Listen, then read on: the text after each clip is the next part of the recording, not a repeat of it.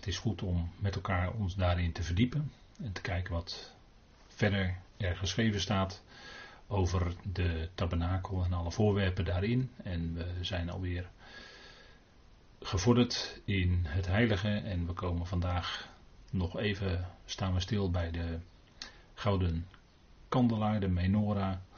En we zullen ook gaan kijken naar het gouden wierookvat. Voorwerpen die in het heilige staan, terwijl achter de tweede voorrang in het heilige der heiligen we daar de ark van het verbond aantreffen.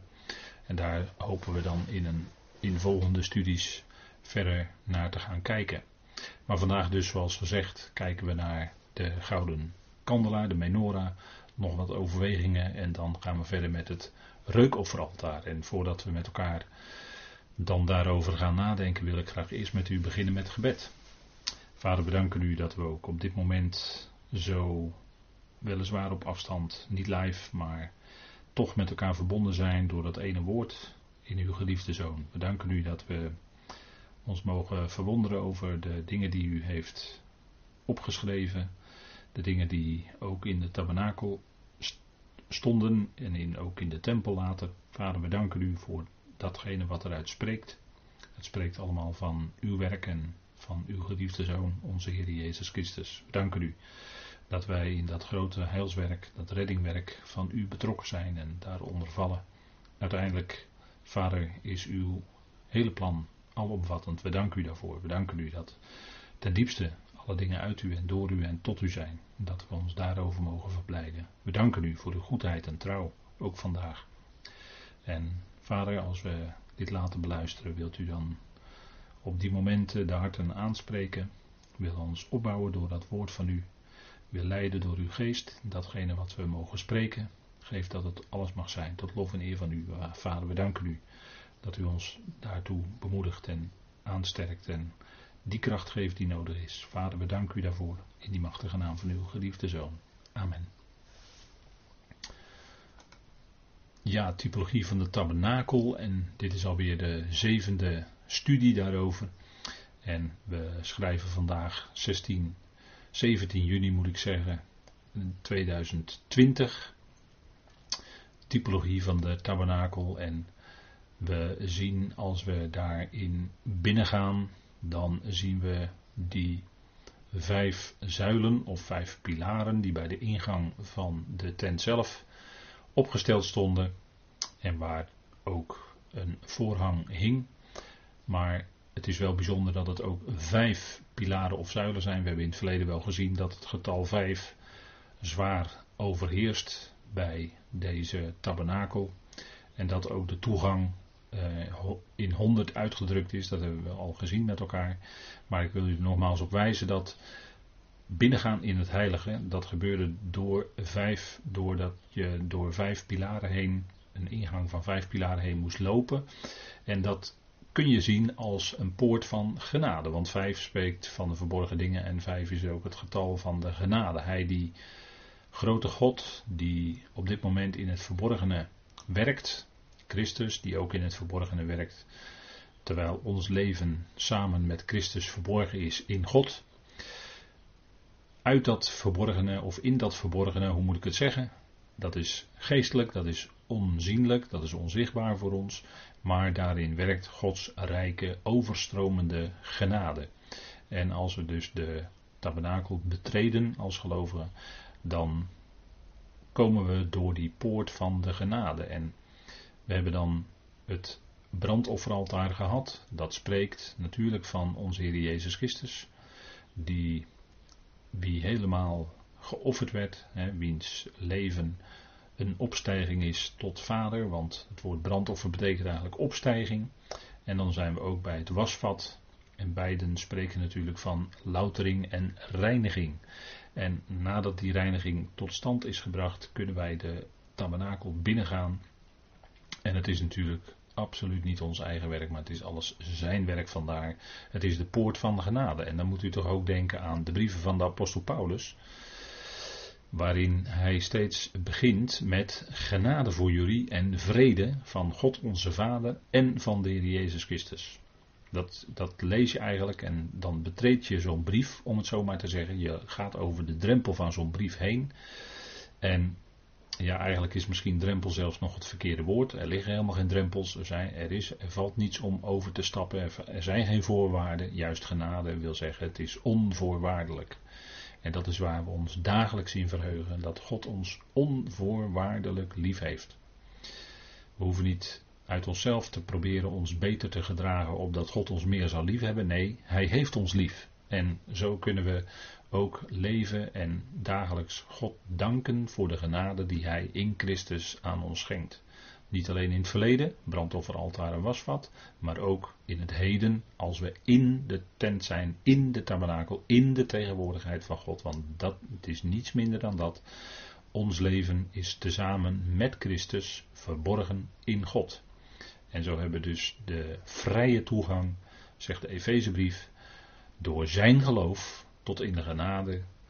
Ja, en dan kan ik wel teksten hè, komen dan snel op, want dan kunnen we zeggen tot in de genade waarin wij staan en wij roemen in de verwachting van de heerlijkheid van God. En wij staan, wij leven, wij wandelen, wij zijn in genade. We zijn geredden in genade. En dat is, geldt ook als we in die tabernakel zijn. Dat is een en al omgeving van genade. En we hebben in het verleden ook wel gezien het wonderlijke dat uh, een David, koning David, kon eten van de toonbroden. En dat deed hij notabene op Shabbat, hè, op de Sabbat. Dan mag er eigenlijk helemaal niet gewerkt worden, maar het wonderlijke is dat juist die priesters op de Sabbat die broden moesten vervangen op de tafel van de toonbroden. Dus zij moesten iets doen, zij moesten werken, notabene op de Sabbat. Maar in de, we hebben gezien dat in die tabernakel, dus in de tegenwoordigheid van God, dan wordt alles anders. God is niet uh, verplicht om zich aan zijn eigen ingestelde sabbat te houden, want hij is God. Hij staat daarboven en daarom kon de Heer Jezus ook gewoon rustig het korenveld ingaan. Dan haalt hij ook dat voorbeeld van David aan met zijn discipelen. En er worden natuurlijk gelijk opmerkingen gemaakt door schriftgeleerden en fariseeën dat ze dat toch niet mochten doen. He, plukken en uh, dat, dat, dat, dan eten. Op notabene op Sabbat deed hij dat. En dan verwijst hij naar David. Die ging de toonbroden eten. En dan zien we dat de Heer dan ook zegt. De Zoon des Mensen is Heer van de Sabbat. En dat de mens niet gemaakt is voor de Sabbat, maar de Sabbat voor de mens. Kijk, dan praat je al over hele andere insteek geen wettische benadering bij de Heer, maar een benadering vanuit de genade. En dan wordt alles anders. En ja, als we het hebben over Sabbat, dan onder de genade hebben we geen vaste tijden, dagen, maanden of jaren of wat dan ook waar we ons aan zouden moeten houden. Dat gaat allemaal aan de kant, want het is in Christus allemaal al vervuld geworden. En dan ben ik eigenlijk ook alweer direct bij die tabernakel, want al die instrumenten spreken van Christus. We hebben gezien dat de tafel van de toonbroden, de menorah, is allemaal goud.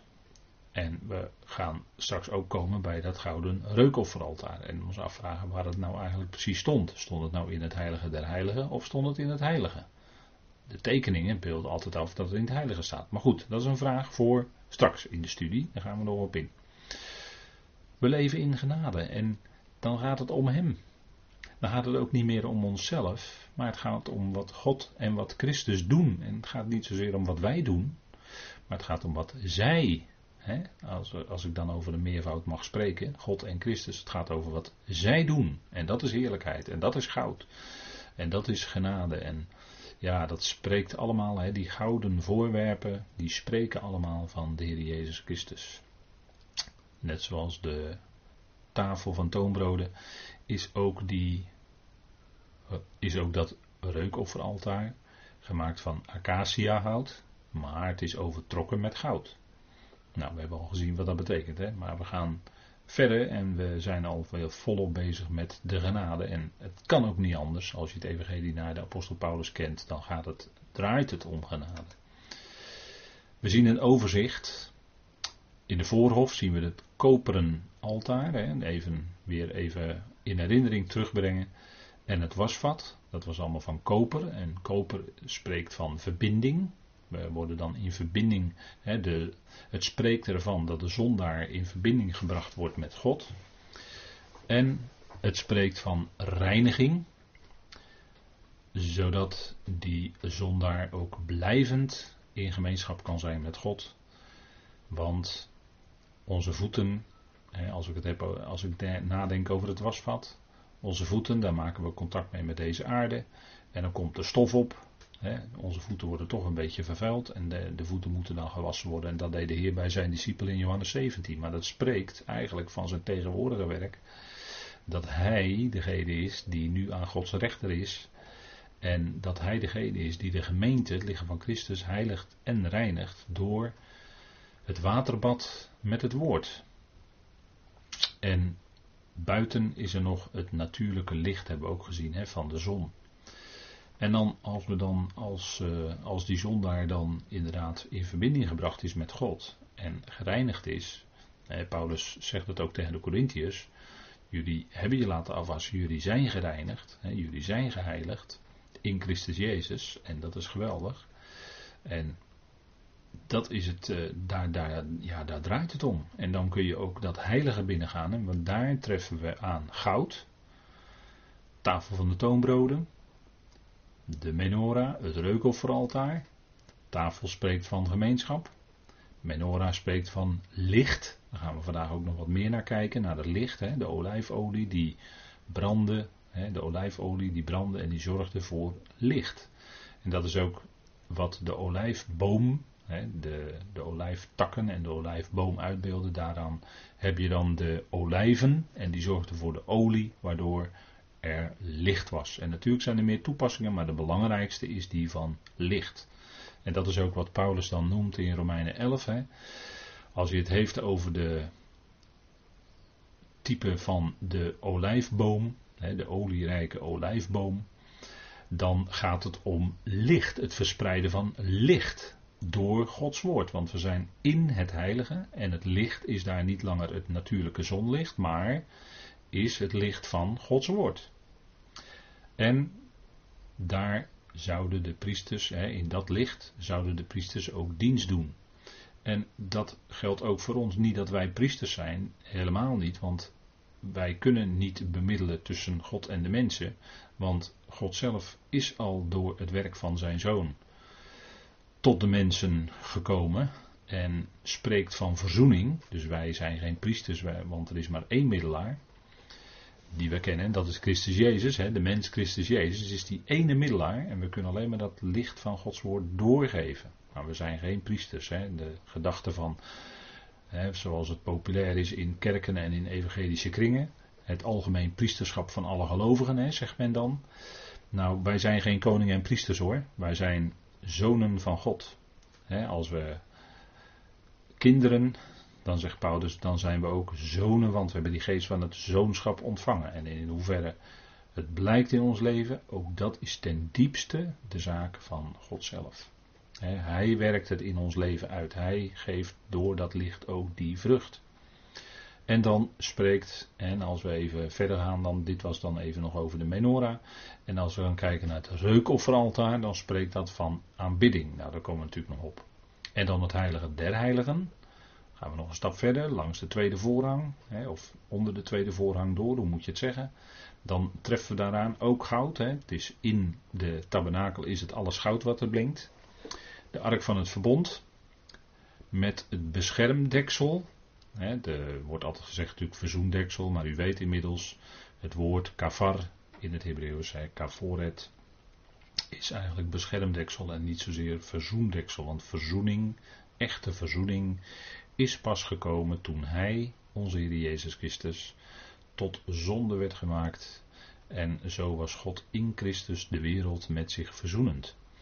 Dus die verzoening, daar gaat het in de nacht nog niet over. Het spreekt, het geeft wel een hint richting, weten wij achteraf. Maar het is een deksel van bescherming. Bescherming namelijk tegen het eh, getuigenis. Wat, en u ziet het al verderop staan, wat die stenen tafels in die ark getuigden. En die getuigden tegen dat volk. Want zodra dat overtreden werd, die tien woorden op die stenen tafels, zodra dat overtreden werd, dan, ja, dan was het mis. En om daartegen te beschermen, lag daar dus op dat beschermdeksel. En dat spreekt natuurlijk ook van onze Heer Jezus Christus. Maar daar komen we ook nog op. En dan was daar die staf van Aaron. Jawel, kan ook niet anders. Een amandel is dat, hè? de amandel. Net als de menorah, wat ook een gestileerde amandelboom is.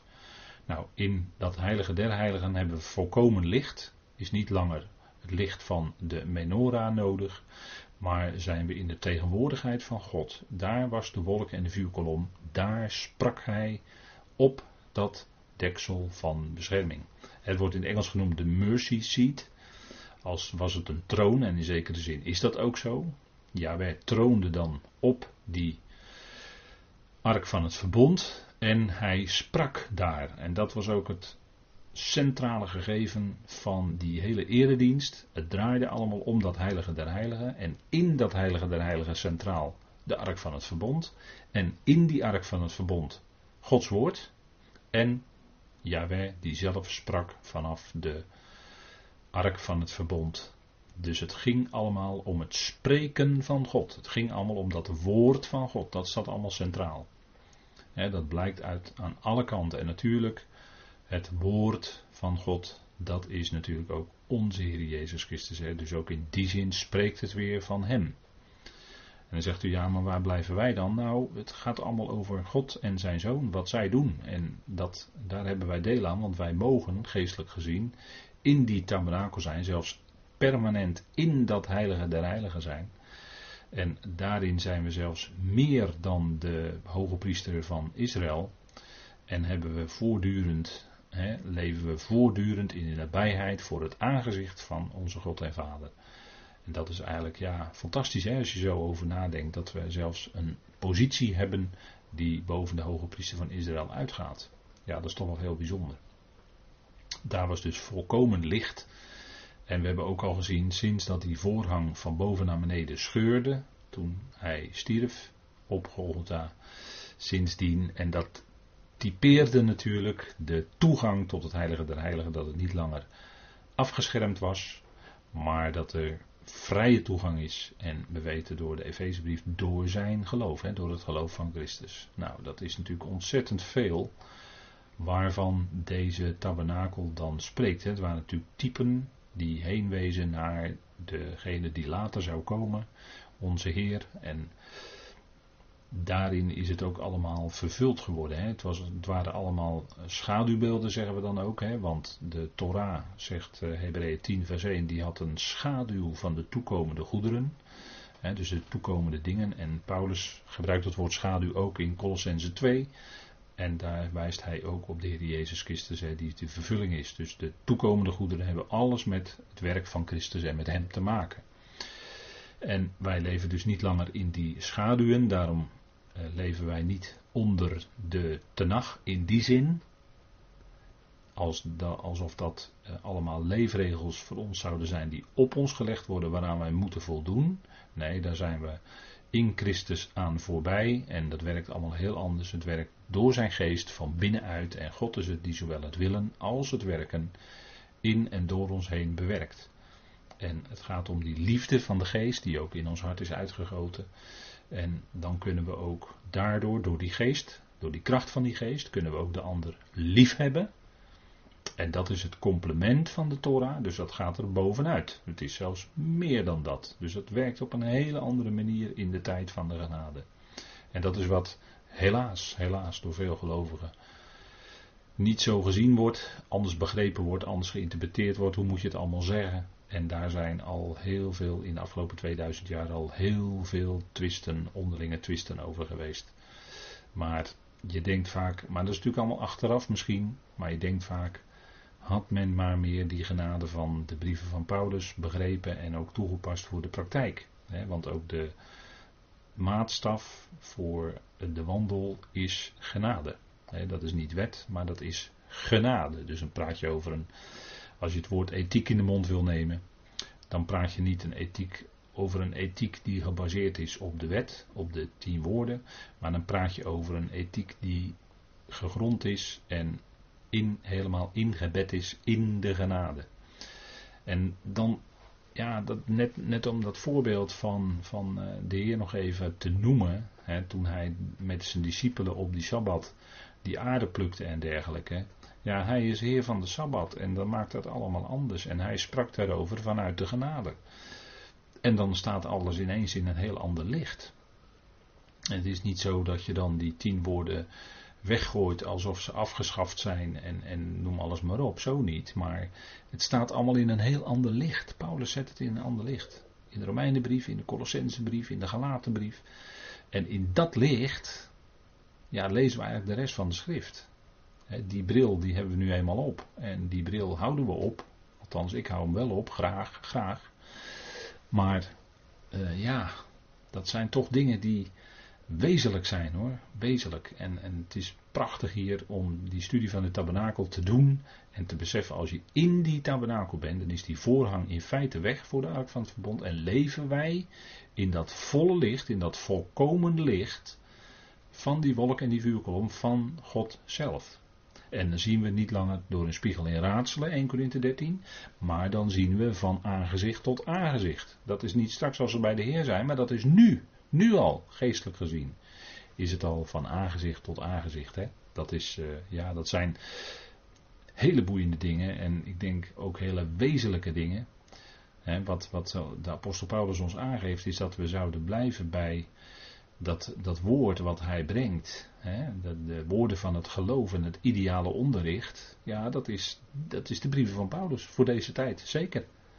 Voor die tijd was het ideale onderricht wat in de Torah stond. Maar nu is het ideale onderricht datgene wat de brieven van Paulus ons brengen. En de rest is daaraan ondergeschikt. Heel de schrift is natuurlijk nuttig tot lering, tot onderwijzing enzovoort. Maar nu is dat ideale onderricht de brieven van Paulus. Genade dus. Genade en vrede voor jullie van God onze Vader en van de Heer Jezus Christus. Wat geweldig is dat, hè? Ja, daar zijn we dankbaar voor en ook leven we dagelijks in en uit. Goed, we gaan verder naar de volgende dia. U ziet daar links het uh, plaatje van de geweldige gouden menorah, die we ja, twee keer van heel dichtbij hebben kunnen zien. En het is inderdaad een magnifiek ding. En wat spreekt het van? Onder andere, en dat zijn nog een paar aanvullende opmerkingen bij deze menorah, een gestileerde amandelboom. En we hebben toen gezien met, ja, met Jeremia, hè, dat, uh, toen zag hij een amandeltwijg en dan zegt de Heer daarbij, ja wij zegt daarbij, zo zal ik wakker zijn of waken om, over mijn woord, om dat ook te doen. Het woord bij, van God is dabar, is een woorddaad. Het is niet alleen een gesproken woord, wat je hoort, maar het is tegelijkertijd ook een daad. Het wordt werkelijkheid.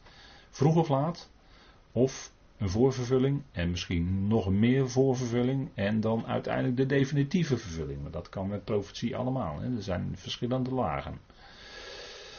En zo is het ook met Openbaring 1 vers 4. Openbaring is een boek waarin de onthulling van de Heer Jezus Christus getoond wordt. Hij is de ware koning. Hij is de ware priester of hoge priester. Hoe moet je het zeggen? Nou, de ordening van Melchizedek natuurlijk, de ware koning, de ware priester en de ware profeet. En zo wordt hij in openbaring ook onthuld. Hè? Het is de onthulling van Jezus Christus. En dat begint met ook een, uh, ja, hoe moet je dat zeggen? Een zegenbede, ook maar in 1 vers 4. Hè, er staat onder meer, en van de zeven geesten die voor zijn troon zijn. Kijk, die olie, olie, is natuurlijk niet alleen datgene wat licht geeft, maar olie, hè, wat, wat olijfolie die in die, uh, die, in die uh, lampen gedaan werd op de gouden menorah, die olijfolie die spreekt van de geest. En natuurlijk van het werk van de geest. Want het licht komt natuurlijk door de geest. Hè? We lezen dat toch ook in Genesis, de eerste verse. Dat de geest van God trilde op de wateren. En het eerste wat God zei toen hij sprak in Genesis 1 was: Het worden licht. En het werd licht. Dat heeft natuurlijk alles met die geest te maken. Die geest zorgt ervoor dat er licht is. En, de, en nu is het wonderlijke dat in openbaring genoemd wordt de zeven geesten die voor zijn troon zijn. En nu is, bestond die menorah dus uit zeven armen. De Chanukka-kandelaar bestaat uit acht armen plus de shamas, de, de, de dienaar. Maar dat is Chanukka. Maar hier gaat het over de menorah. De staander, die in dat heilige zal, weer zal staan als de tempelinstituut uh, de zin krijgt. Zeven geesten. Zeven lampjes met olie. Spreekt allemaal van de geest. Als een koning, als een profeet. En dat lezen we eigenlijk, voor zover ik weet, alleen bij Elisa dat hij gezalfd werd. Maar misschien werden alle profeten wel gezalfd, maar wordt verder niet genoemd. En bij de priesters was er sprake van zalving met olie. En dat sprak van de geest. Dat die geest dan op diegene rustte en datgene zou geven wat nodig is voor dat dienstbetoon, voor, die, eh, ja, voor datgene wat zij zouden doen. En nu is het wonderlijke dat in Jezaja 11 vers 2 gesproken wordt over de geest. En er worden heel wonderlijk ook zeven facetten genoemd. En laat mij heel even met elkaar, zoek dat heel even op. Jezaja 11 vers 2 om ik heb het op deze dia wel wat uitgeschreven wat er staat, maar even voor een, uh, voor een verband. Hè, want Jezaja 11 spreekt van die afgehouden tronk, weet u wel, van Isaïe. In die eerste versen. En er staat, want er zal een twijgje opgroeien uit de stronk van Isaïe. En Isaïe, dat was natuurlijk de zoon van Obed. En Obed was de zoon van Rut en Boas. Heeft u misschien onlangs nog kunnen horen toen eh, broeder Kees van Halem daarover sprak. Boas en Rut. En daaruit kwam Obed, de dienaar, spreekt natuurlijk van sowieso van de Heer Jezus Christus. Isaïe, en dat is de vader van David. En David is natuurlijk ook een geweldig type van onze Heer Jezus Christus. Dus dan zitten we helemaal in die lijn. Hè? Er zal een twijgje opgroeien uit de stronk van Isaïe. Ja, dat is natuurlijk. De linea recta is dat terug te voeren naar, of heen te voeren naar de Heer Jezus Christus. Leest u maar uh, Matthäus 1 bijvoorbeeld, hè? het geslachtsregister. Daarin zie je dat hij afstamt van die lijn. En een lood uit zijn wortels zal vrucht voortbrengen. Spreekt van de Heer, spreekt van onze Heer. En dan staat er op hem zal de geest van Yahweh rusten, de geest van wijsheid en inzicht, de geest van raad en sterkte, de geest van de kennis en van de vrezen des Heeren. Even voor zover vers 2. Hè? En dan zien we dus, kijk, die geest van Yahweh, daar draait het allemaal om. En dat ja, dat, dat spreidt hier in Jezaja 11 uiteen in zes verschillende facetten. En hoe wonderlijk is het dat die menorah bestaat uit één centrale schacht, hè, dat is de staander. En daaruit komen, en zo is het ook beschreven, hè, daaruit komen dan die takken van die boom, van die amandelboom, steeds paarsgewijs. U ziet het hè, hier op dit plaatje ook, van onderaf 2, 2, 2. En zo wordt ook die geest beschreven. En eigenlijk als ik van buiten naar binnen toe werk, want zo is, zo is het die volgorde, dat, dat, daar ben ik van overtuigd. Dan gaat het eerst om de geest van de kennis en vrees van Yahweh. dat wordt als laatste genoemd in Jezaja 11. Maar ik denk dat dat de basis is. de, uh, wat is, wat is uh, waar begint de wijsheid? Waar begint de wijsheid volgens de schrift? Wat is het startpunt van de wijsheid? Nou, de vrezen van Yahweh. Staat in Psalm 111, vers 10. Staat in Spreuken 1 uit mijn hoofd gezegd. En komt nog een keer voor. En dan kennis. Kennis. Daar begint het allemaal mee. Eerst horen. Hè, eerst kennis krijgen van zaken. En dan ga je een stapje verder. Hè, dat, uh, dit beschrijft natuurlijk ook de ontwikkeling van ons als gelovigen in ons geloofsleven. Dus dan komt het ineens toch weer heel dichtbij. Hè. Dan is de geest van raad en sterkte dat is dan tijdens je geloofsleven, wat heb je dan nodig? Goede raad. Nou, goede raad is duur en koop die dan in Gods woord. Maar het kost jou niks, want je krijgt het gratis om niet voor niks. En gratis, eh, eh, iemand eh, zegt wel eens, een beetje gratis bestaat niet. Nee, inderdaad. Het is gratis. Raad en sterkte, dat komt van God af. Dat komt van Yahweh, natuurlijk. Van ik ben. Van degene die, en ook natuurlijk van degene die Yahweh, want Yahweh is, is eigenlijk de onzichtbare God van Israël. Maar als we Yahweh zien en horen, is het de Heer Jezus Christus. Hij representeert Yahweh en als zodanig kan hij ook zelfs met de naam Yahweh aangesproken worden. dat, dat is de, in, de, in Tenach zeker het geval. De geest van wijsheid, hè, raad en sterkte heb je nodig op je, in, je, levensweg. dan, dan, dan ga je de weg met hem, of ik kan beter zeggen, hij gaat zijn weg met jou.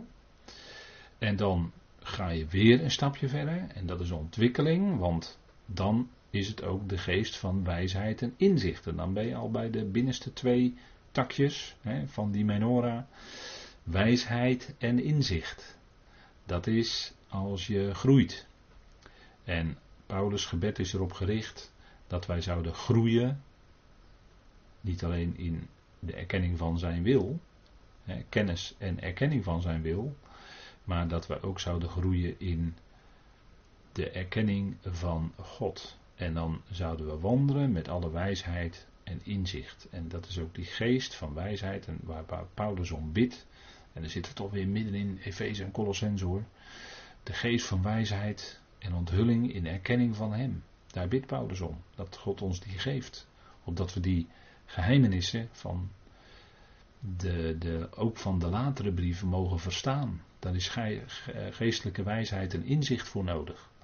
En dan, eh, dat, dat is, u ziet het, dat is hogerop, hè? Dan, dat is hogerop, dan, dan gaat het om de hogere, de hogere waarheden die in die volkomenheidsbrieven bekend worden gemaakt.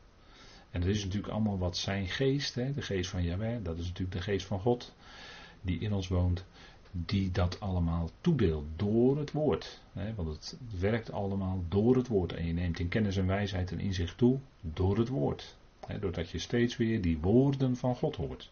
Ik denk dat dit toch wel heel kostbaar is, wat, zo even, hè, wat, wat, wat je zo even vergelijkend kan zeggen met die menorah.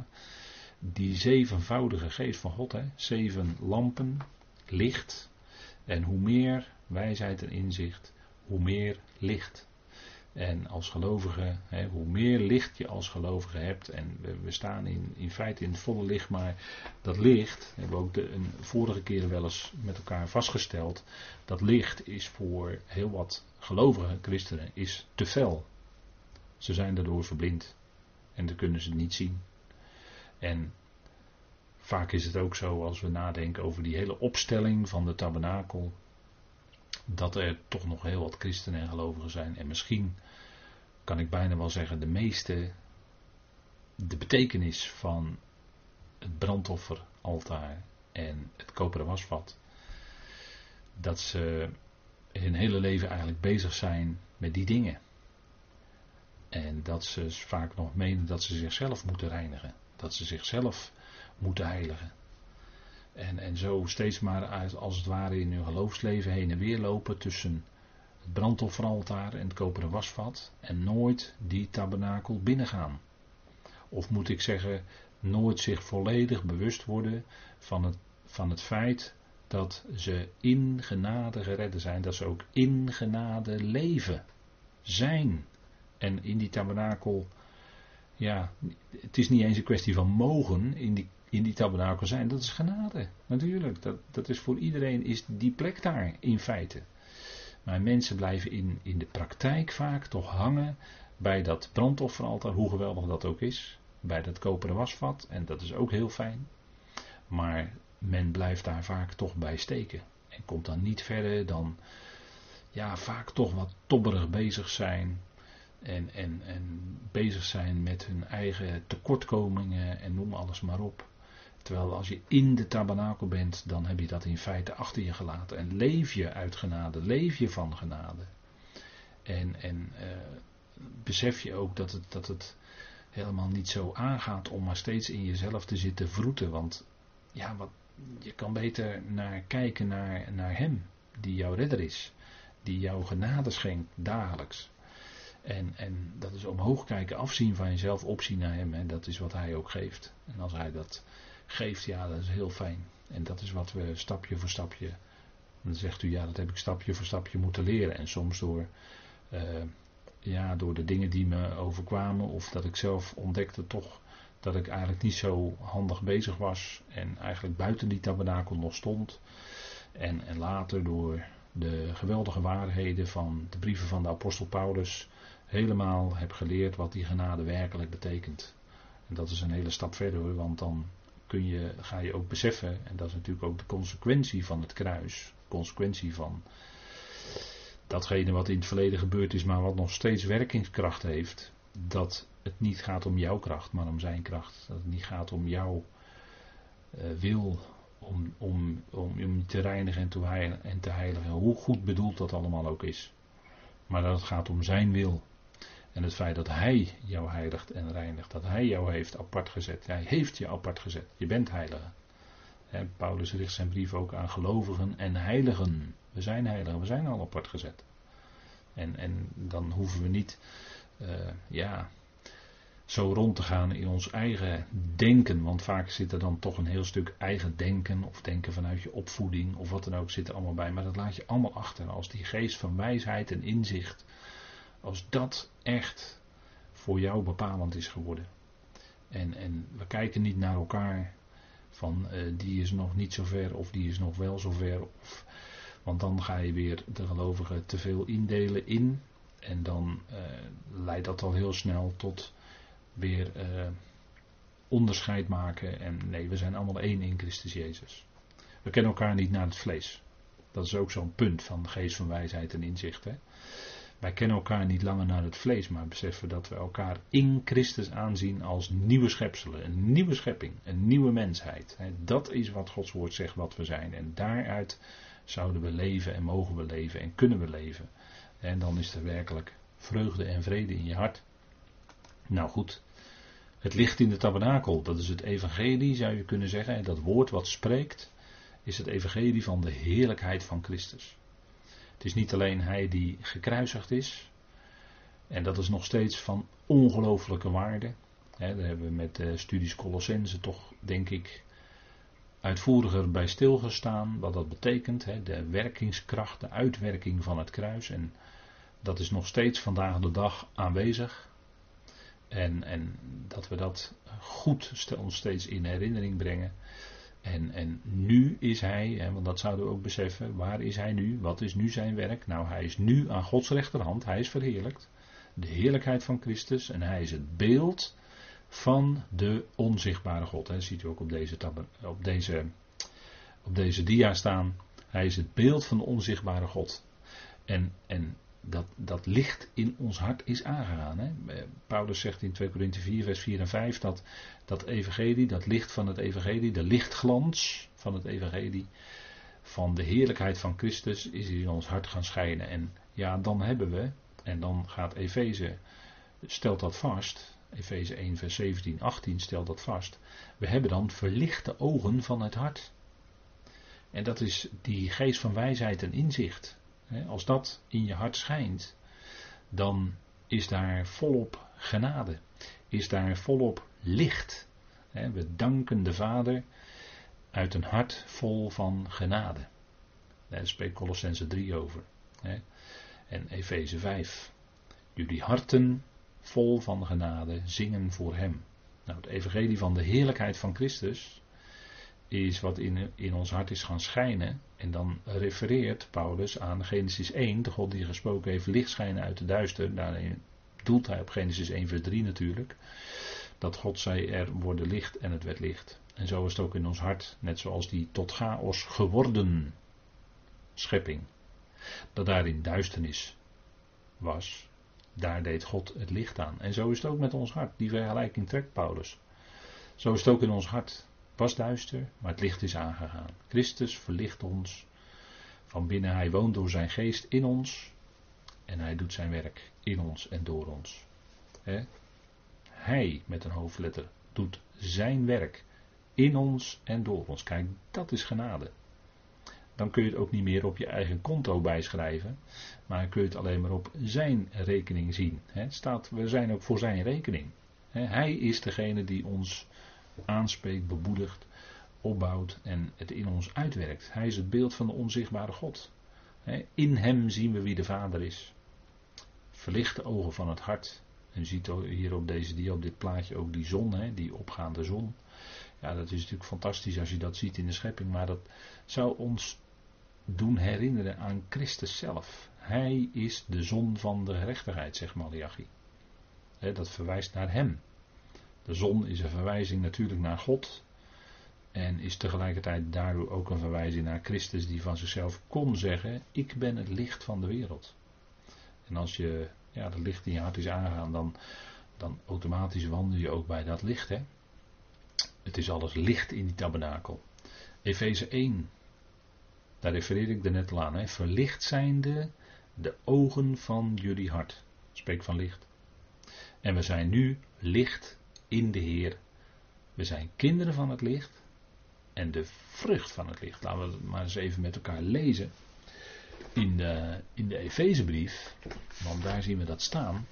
In de Efezebrief. En dat is uh, Efeze 1, vers uh, eh, 17 en 18. Daar staat op dat de God van onze Heer Jezus Christus, dat is het gebed van Paulus. Hè? En dat kunnen we ook vandaag bidden voor onszelf en voor alle heiligen. Opdat de God van onze Heer Jezus Christus, de Vader van de heerlijkheid, jullie geeft een geest van wijsheid en onthulling in erkenning van Hem. Verlicht zijnde de ogen van jullie hart, opdat jullie zien. En als gelovigen zien we dus meer. Wat de verwachting van zijn roeping is, dat is één. Wat de rijkdom van heerlijkheid van zijn lotgenieting is te midden van heiligen, dat is twee. En wat de overstijgende grootte van zijn kracht is voor ons die geloven. Dat is drie. En dat is in feite, zit daarin die drie facetten van het Efeze is. En daar spreken we dan nu niet verder over. Maar omdat het een, uh, dat voert wat te ver. Maar het licht is in ons hart aangaan. Hè? Vers 18a zegt, verlicht zijnde de ogen van jullie hart. En dat is zo, onze ogen zijn opengaan. En in Efeze 5, en ik heb hier het uh, boekje Concordante Vertaling erbij, staat dan ook, hè, dat is dan het gevolg, want jullie waren ooit duisternis, ik had het net al over, hè, in ons hart, maar nu echter zijn jullie licht in de Heer. Hè, jullie waren, dat is een metafoor natuurlijk, hè, een metafoor, een korte vergelijking. Jullie waren ooit duisternis, en iedere gelovige weet wat dat betekent. En nu echter zijn jullie licht in de Heer. Je kijkt met andere ogen. Je kijkt met andere ogen naar deze schepping.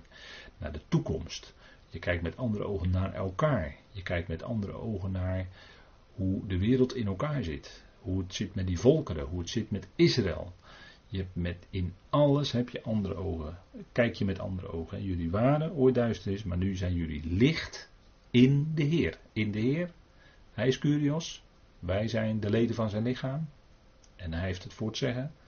Vandaar wandel, wandelt als kinderen van het licht. En hier wordt het licht natuurlijk als een persoon voorgesteld. Alsof wij onder dat licht vallen. En in zekere zin is het natuurlijk ook zo. Eh, de Heer zegt van zichzelf: Ik ben het licht van de wereld. De Heer is zelf het licht. En dat is natuurlijk ook een metafoor. Dat is natuurlijk ook een vergelijking. Maar we wandelen dan als kinderen van het licht. Als kinderen van God kunnen we ook zeggen. Want God is licht en in hem is het geheel geen duisternis. Toetsend of want de vrucht van het licht, want het zet vrucht in ons leven, die geest werkt in ons door, het zet vrucht. De vrucht van het licht, en in de dagelijkse, ja, in, in het dagelijks leven zien we in de natuur, alles wat groeit en bloeit, dat, is, dat heeft te maken met licht. het is, bij, bij heel wat bloemen is het zo dat die s'avonds dicht gaan. En dan gaan ze s'morgens weer open. Want dan wordt het weer licht. En dat is ook voor ons. Wij zijn als het ware open gegaan. Ons leven is opgebloeid, hoe moet je het zeggen, in beelden, doordat hij zijn evangelie daarin bracht en ons bekend maakte wie hij is. In alle goedheid, hè, de vrucht van het licht bestaat in alle goedheid en gerechtigheid, of rechtvaardigheid, en waarheid. En met, en we hebben ook een vorige, in een andere studie heb ik dat misschien gezegd, maar met waarheid komt ook licht. En met licht komt ook waarheid. Want als de waarheid verkondigd wordt, dan zie je hoe het zit. Als de waarheid bekendgemaakt wordt, ook bijvoorbeeld over politieke processen in het verleden en er is bijvoorbeeld een onderzoek naar gedaan en de resultaten van dat onderzoek, dan komt, als het goed is, de waarheid aan het licht en blijkt hoe het allemaal gegaan is. En dat leidt er nog wel eens toe dat politici dan ineens moeten opstappen, moeten vertrekken. Omdat er allerlei dingen zijn gebeurd die, uh, ja, daar gaan we weer, hè, die het licht niet konden verdragen. En politici hebben gehandeld niet conform zoals het zou moeten of had gemoeten. En dan, want dan valt dat licht van zo'n onderzoek daarop. Hè. Het komt in het licht, het wordt onderzocht. En dat is ook wat we met Gods woord zouden doen. Hè. De Heer zegt zelfs tegen de schriftgeleerden en fariseeën: onderzoek de schriften. Onderzoek de schriften. En dat doen wij ook. Hè. Onderzoek de schriften. En we zoeken ook onder die, hè, we lezen de schriften, maar we zoeken ook daar eh, niet alleen zo oppervlakkig, maar we kijken ook, willen ook graag kijken onder die oppervlakte. Dus we onderzoeken, of we zoeken wat onder die woorden van God zit. De diepere betekenis, de verborgen betekenis. En dat komt ook aan het licht. Hè, dat blijkt als we geleid worden door die geest van wijsheid en inzicht. En dan valt ineens het licht van Gods woord erop en wordt duidelijk wat het betekent, wat het is.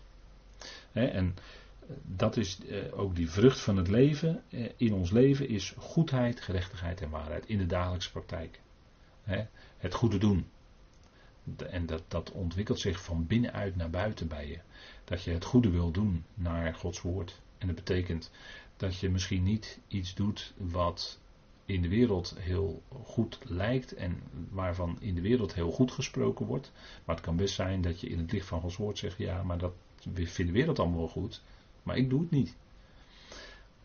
En wat, wat, eh, eh, wat, wat bijvoorbeeld eh, een, een punt is dat mensen allerlei goede werken doen, andere mensen helpen. En dat is allemaal op, zich is dat heel erg goed. Alleen als dat het is, dan wil het nog helemaal niet zeggen dat het gaat om geloof. Dat nog helemaal niet een werken is vanuit geloof. Maar echte goedheid heeft te maken met dat wat je doet vanuit geloof. Als je het leven kijkt van Paulus, hè, bijvoorbeeld, hè, dan, dan moet je, kun je bijvoorbeeld denken aan hoe hij omging met die uh, ingezamelde gelden. Hè, daar spreekt hij wat uitvoeriger over in de Korinthebrieven. Dat was die, dat wat hij meebracht voor de arme heiligen in Jeruzalem. Dat had hij beloofd, dat had hij zich aan geconformeerd en dat deed hij ook. En daarin deed hij een goed werk. Maar dat was door de Heer geleid om dat zo te doen. En rechtvaardigheid en waarheid. En hij handelde ook zodat het voor iedereen eh, open en inzichtelijk was en, en eh, waar is.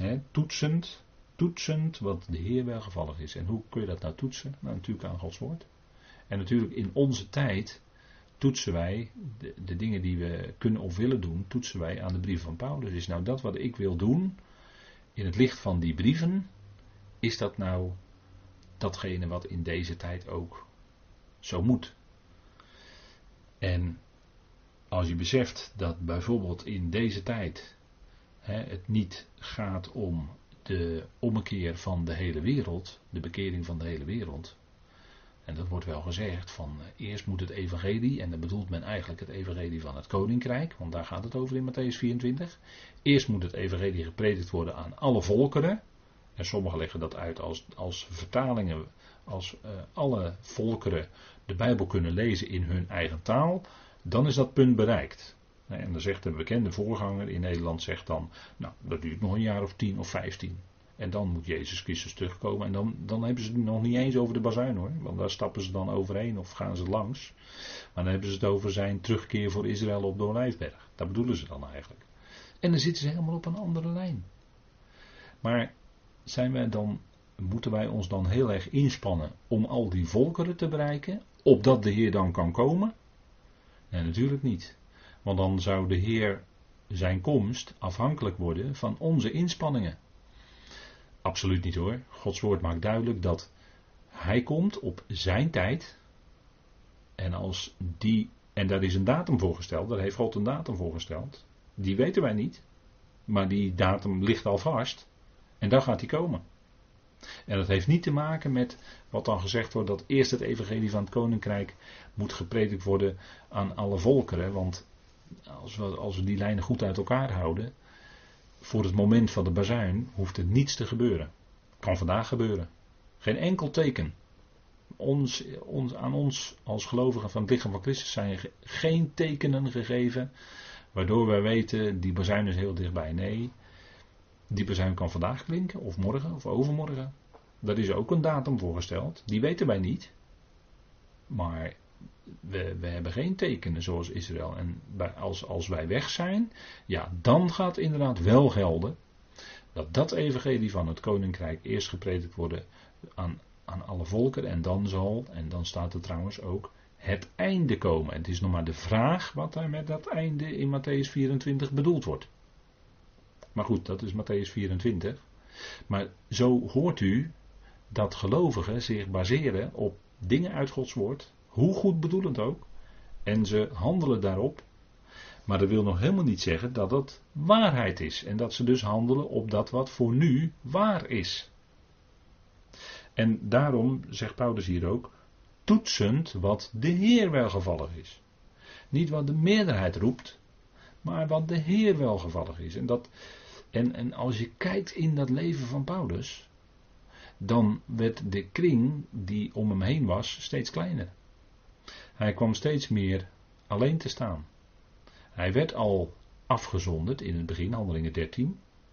En over dat boek Handelingen, daar kunnen we misschien in de toekomst eens wat beter naar gaan kijken hoe die lijnen nou precies lopen. Opdat dingen voor u duidelijk worden, want dat is vaak voor veel gelovigen heel verwarrend, dat boek Handelingen. Maar goed, dat is dan misschien voor een toekomstige lijn is dat uh, goed, misschien goed om te doen. Maar als je kijkt in het leven van de apostel Paulus, dan zie je dat hij eerst afgezonderd werd, werd steeds verder afgezonderd. En hij ging dat evangelie prediken. De deur van het geloof naar de natie werd geopend door het werk wat Paulus deed, handelingen 13, 14, na zijn afzondering. En hij ging steeds verder, maar hij werd later ook weer bij zijn leven al, werd hij door velen verlaten. Of moet ik zeggen, zoals het er staat, zij werden van hem afgekeerd. Dat schrijft Paulus aan Timotheus. Allen in Azië werden van mij, zegt Paulus, dus van zijn evangelie, afgekeerd. En zo kwam Paulus steeds meer alleen te staan. En kwam hij zelfs in Rome in gevangenschap. Maar daarin zegt hij ook, als hij daarover nadenkt, zegt hij ook ja, maar dat woord van God is niet gebonden. Je zou kunnen zeggen, ja, die apostel van de natieën, die is nu zo beperkt geworden. Hij zit in gevangenschap. En, en uh, je zou ook nog kunnen zeggen dat hij zichzelf, hij heeft zelf inderdaad zich op de keizer beroepen. Hij zit in gevangenschap. Het is allemaal heel beperkt en hoe moet het nu verder? En toch zegt Paulus dan juist, het woord van God is niet gebonden.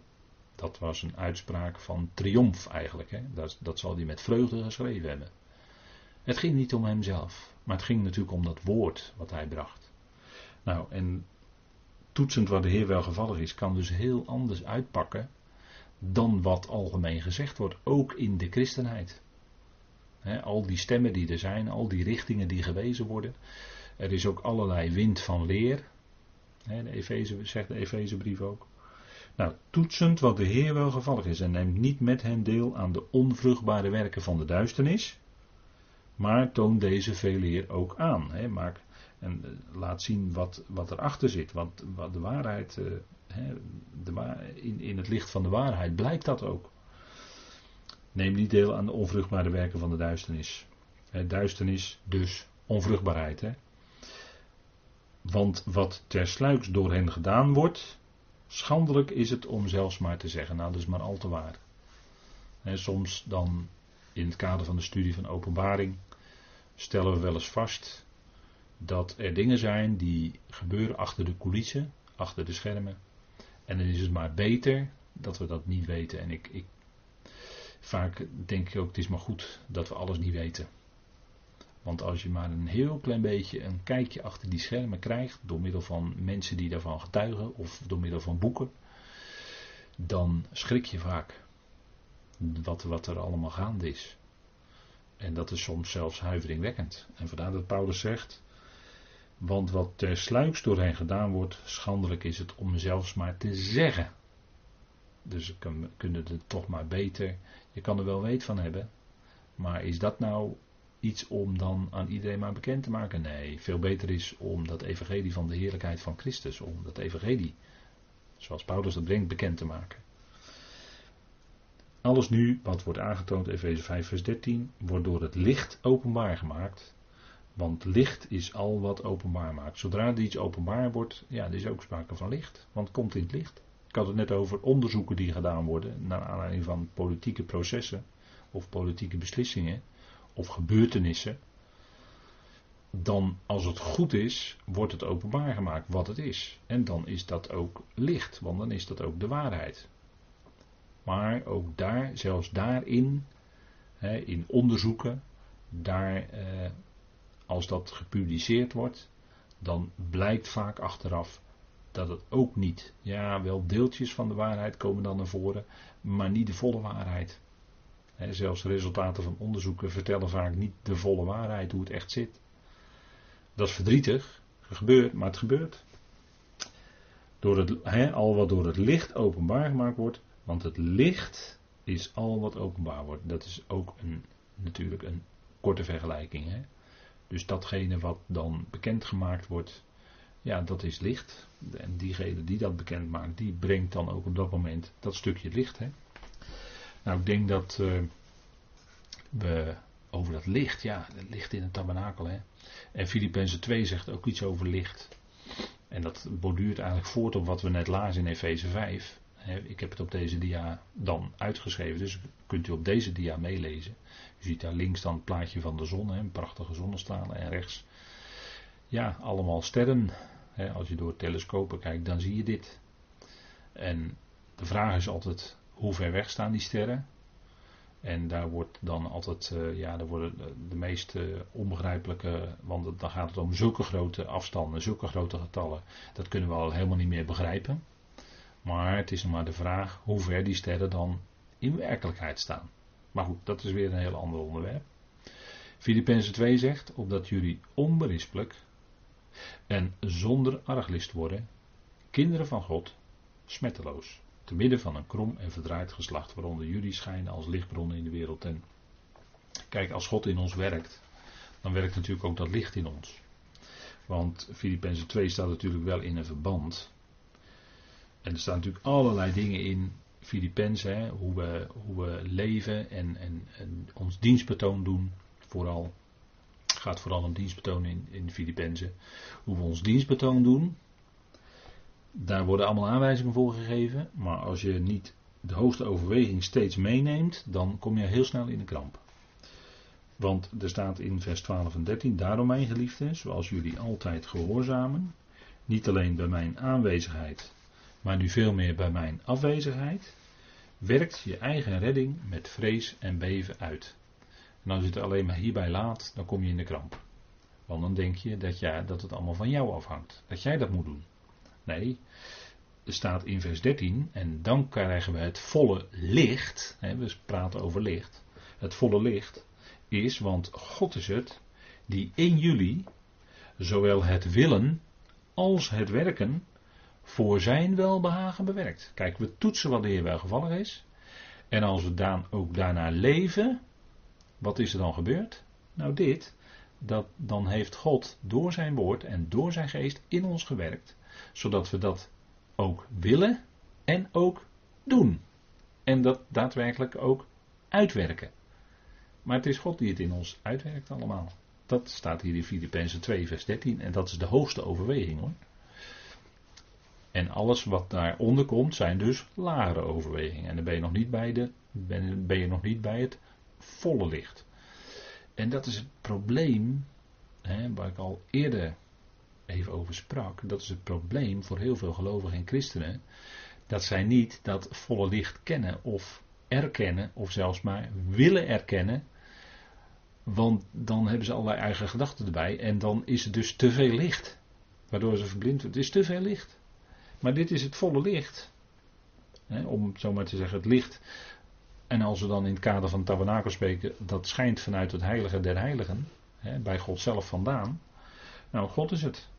En dan is ook die gehoorzaamheid, waar, waar net over gesproken werd, zoals jullie altijd gehoorzamen, dat, dat moet je niet zien als een voorwaarde, maar dat is ook God die die gehoorzaamheid in die gelovigen heeft gewerkt. Door zijn geest. Anders is het niet. Anders is het weer een stukje eigenwerk en dan is het niet meer vol in de genade. En daar, daar, dat is toch het kader in de tabernakel ook. Hè? We leven vol in die genade. Kinderen van God, smetteloos, hè? onberispelijk wordt er gezegd, zonder arglist, smetteloos. En we strekken er naar uit om ons zo te gedragen dat het geen verhindering is voor anderen enzovoort. Ja, maar ook dat al dat uitstrekken en dat willen om het zo te doen en dat onberispelijk willen zijn en zonder arglist willen zijn, u hoort me steeds het woord willen zeggen, is allemaal van hem afkomstig. Smetteloos. En dan kunnen we zijn als, let op het woordje als, hè, als lichtbronnen in de wereld. We zijn natuurlijk niet zelf lichtbron, nee, er is maar één lichtbron, dat is God zelf, die door Christus heen in ons werkt. En zo kunnen we voor de wereld als lichtbronnen zijn. En als we dan horen wat we geloven, dan verwijzen wij heel snel naar die ene geweldige lichtbron, God onze Vader zelf. Want het komt allemaal bij Hem vandaan. Het draait allemaal om Hem natuurlijk. Goed, dan voordat we even gaan pauzeren nog een laatste woord. Nee, laten we het toch maar nu gaan pauzeren. En dan gaan we direct na de pauze verder met deze fijne woorden uit Colossense 1, waarin ook gesproken wordt over licht. Maar dat doen we dus na de pauze.